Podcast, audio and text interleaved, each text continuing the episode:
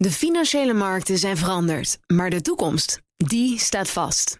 We zijn in transitie naar een klimaatneutrale economie. Dit biedt een van de grootste investeringskansen van onze generatie. Een kans voor u om mee te groeien met de pioniers van morgen. Meer weten? Ga naar carbonequity.com. Carbon Equity. Do good by investing better.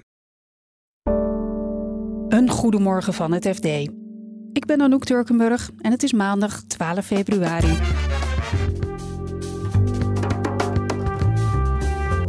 Achmea wil van de levensverzekeringen af. Dit is het probleem waardoor iedereen in de verzekeringsmarkt eigenlijk al jaren roept: leven is dood. Het IMF prijst de Nederlandse economie, maar waarschuwt ook voor gevaren. De arbeidsmarkt is de grootste zorg van het IMF voor Nederland. En Hermes verdient miljarden, terwijl bijna niemand hun producten kan krijgen. Je kunt niet een winkel binnenlopen en zeggen: Hallo, doe mij die Birkentas. Dit is de dagkoers van het FD. Voordat we beginnen, eerst even dit. Wil je onze verhalen niet alleen luisteren, maar ook lezen? Probeer dan het FD. Vier weken lang voor slechts 1 euro. Ga naar fd.nl/slash dagkoers en meld je aan. Gaan we door naar Achmea. De verzekeraar overweegt om de levensverzekeringen van de hand te doen.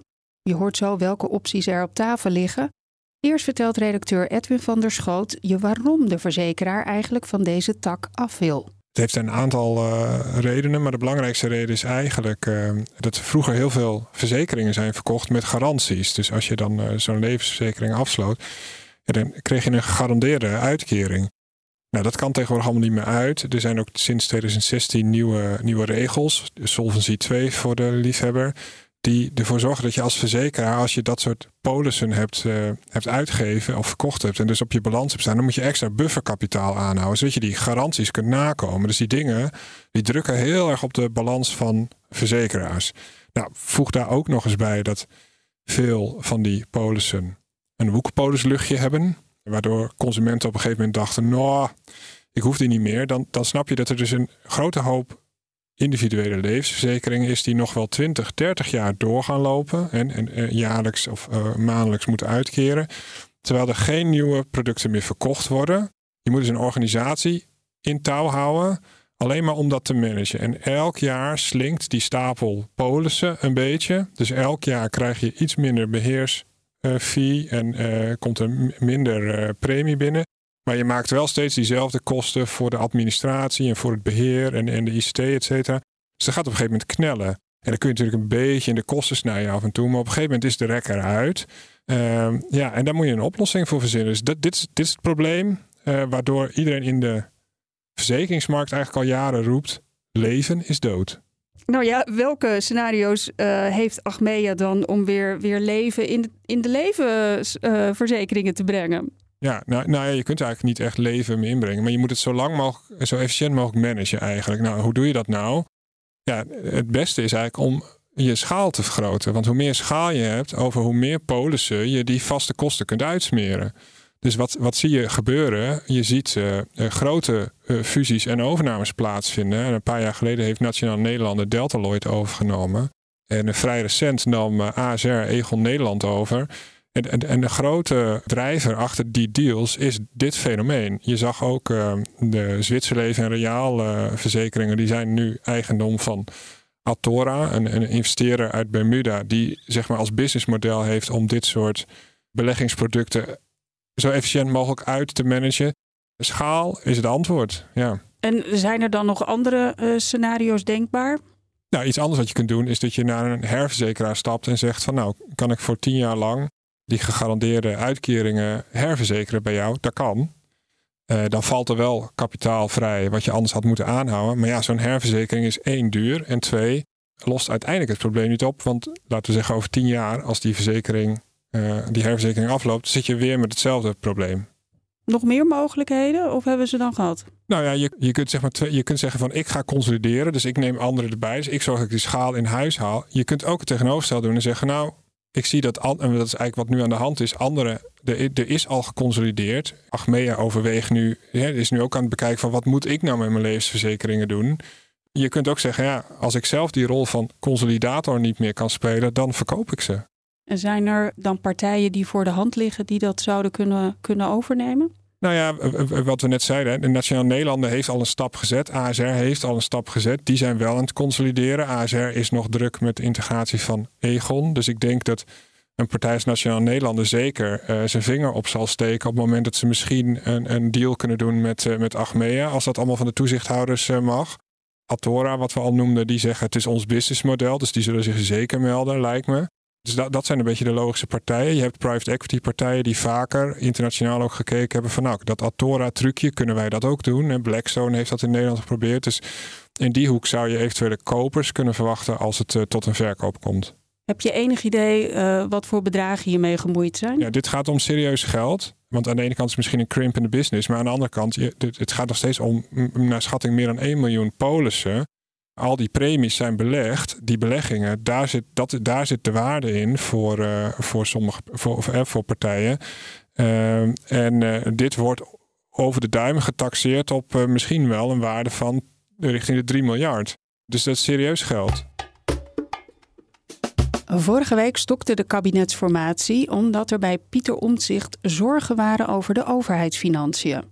Een paar dagen later prees het Internationaal Monetair Fonds Nederland juist voor de veerkrachtige economie en de lage staatsschuld. Redacteur macro-economie Marijn Jongsma vertelt je hoe dat kan. Ja, ze hebben net een missie afgerond in Nederland. Dan gaan ze met een heel team hier naartoe en dan praten ze met iedereen, ook ministeries en dergelijke. En uh, ja, ze zeggen dus inderdaad, uh, de Nederlandse economie is heel veerkrachtig. Uh, naar bijna nul groei in 2023 klimt de groei langzaam weer op. Weliswaar niet heel snel, maar we krijgen toch weer jaren van groei. En de staatsschuld is inderdaad beneden de 50% van het uh, nationaal inkomen. Dat is ook heel laag. Uh, dus er zijn absoluut geen zorgen bij het IMF over de schuldhoudbaarheid van Nederland. Sterker nog, uh, zei de chef de mission, wij gebruiken Nederland als voorbeeld voor landen om te kijken, te laten zien van kijk hoe, hoe, Nederland zijn schuld eigenlijk naar een laag niveau heeft weten te brengen. Er staat los daarvan wel dat ze zich wel iets zorgen maken over de toekomst. Maar dat is weer een ander chapiter. Dat is geen acuut probleem. En welke zorgen zien ze dan voor de toekomst?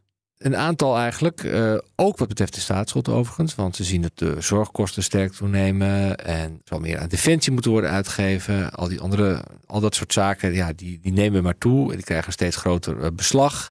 Dus ja, dan zal je iets moeten doen om die uh, schuld op zo'n laag niveau te houden. En dat is ook wel een beetje de doelstelling. Het IMF zegt ook van ja, het is juist heel mooi dat je zo'n lage staatsschuld hebt. Want dat betekent dat je, als er iets gebeurt, ja, in de bres kunt springen voor je eigen burgers.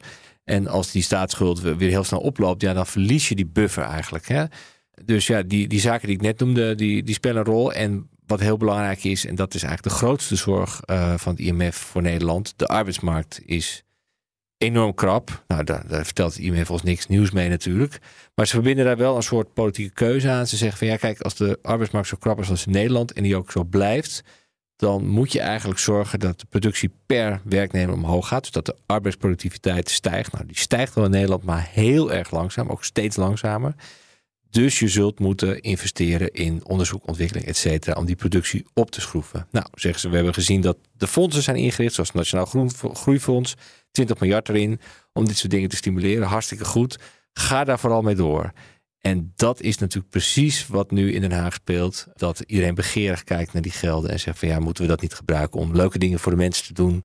Want ja, die groeifondsen, wat komt er eigenlijk uit? Uh, wat levert het daar op? Je noemde even uh, de internationale vergelijkingen. Um, Nederland doet het heel goed, zeg jij. Behalve op dat punt van die arbeidsproductiviteit. Ja, dat doen we het slecht. Uh, er is een onderzoekje geweest uh, vorige week over de, van de Rabobank. die hebben dat allemaal netjes naast elkaar gezet. En die zeggen wij verliezen echt vergeleken met landen als Zweden, Denemarken, Duitsland, Zwitserland. Daar groeit de arbeidsproductiviteit veel sneller dan hier. En ze, ook het niveau van de arbeidsproductiviteit is veel hoger. Want het wordt vaak gezegd van ja, we zitten helemaal op een heel hoog niveau, dus dan groei je ook niet meer zo hard. Maar daar in die landen is dus de arbeidsproductiviteit hoger en het groeit sneller. Dus daar hebben we wel een serieus probleem. De Birkin-tas. Met een prijskaartje tot ruim 30.000 euro. Misschien wel de meest exclusieve tas op aarde.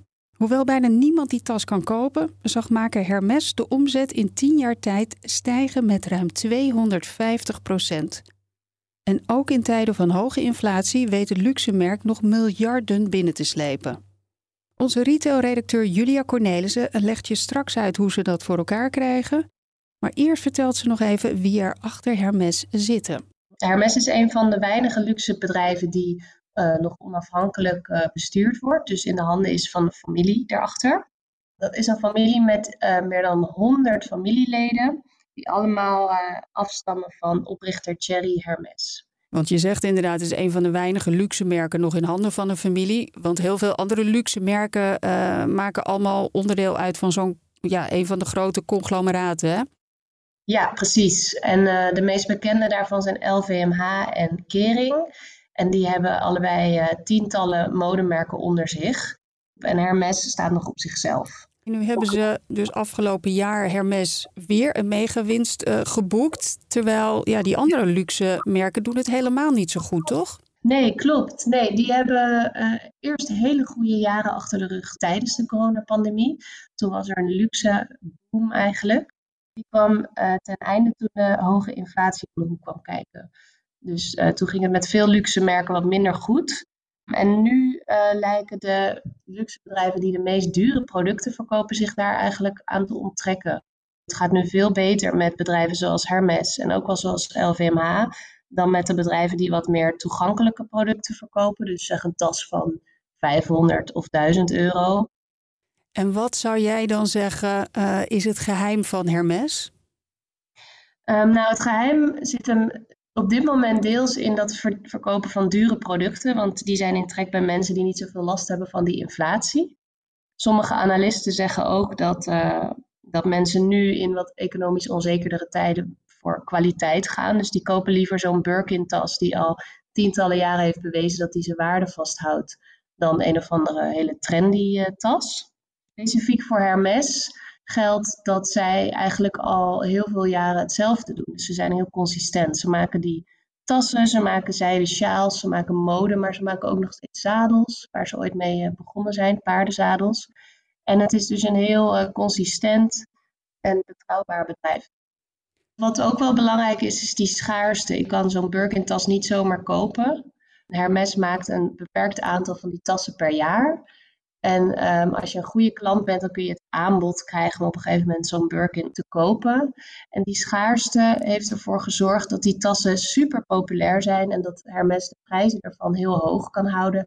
En dat ze dat imago hebben van de meest exclusieve, de meest luxe. En dat uh, is ook heel belangrijk voor het succes van het bedrijf. Maar begrijp ik het nou goed dat als, zelfs als je heel veel geld neerlegt, ben je er niet zeker van? Nee, nee, je kunt niet een winkel binnenlopen en zeggen: Hallo, doe mij die Birkentas. Uh, dat kun je wel proberen, maar ik weet niet hoe ze dan reageren. Of ze je uitlachen of dat ze gewoon heel netjes zeggen: Nee, dat gaat er niet worden.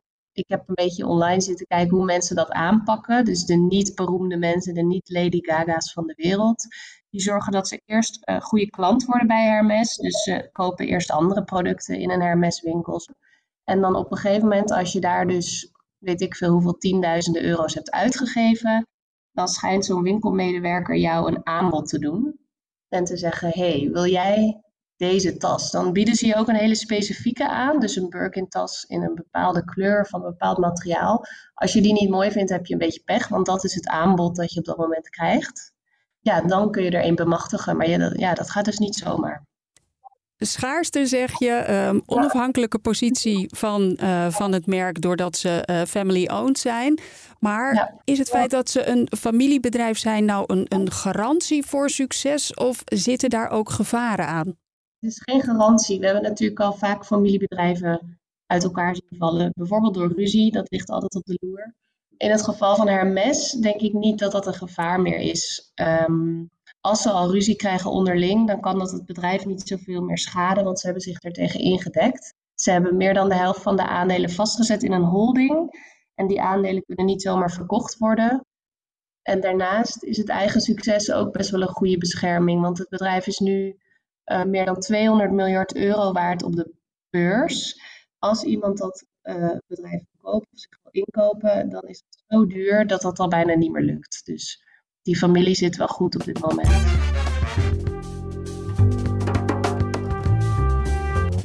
Dit was de dagkoers van het FD. Morgen zijn we er weer. Het laatste financieel-economisch nieuws vind je in onze app. En voor nu een hele fijne dag en graag tot dinsdag.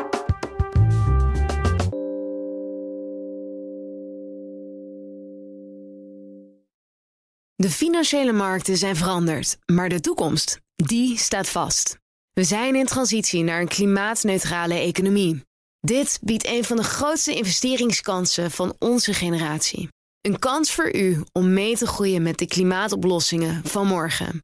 Meer weten? Ga naar carbonequity.com. Carbon Equity. Do good by investing better.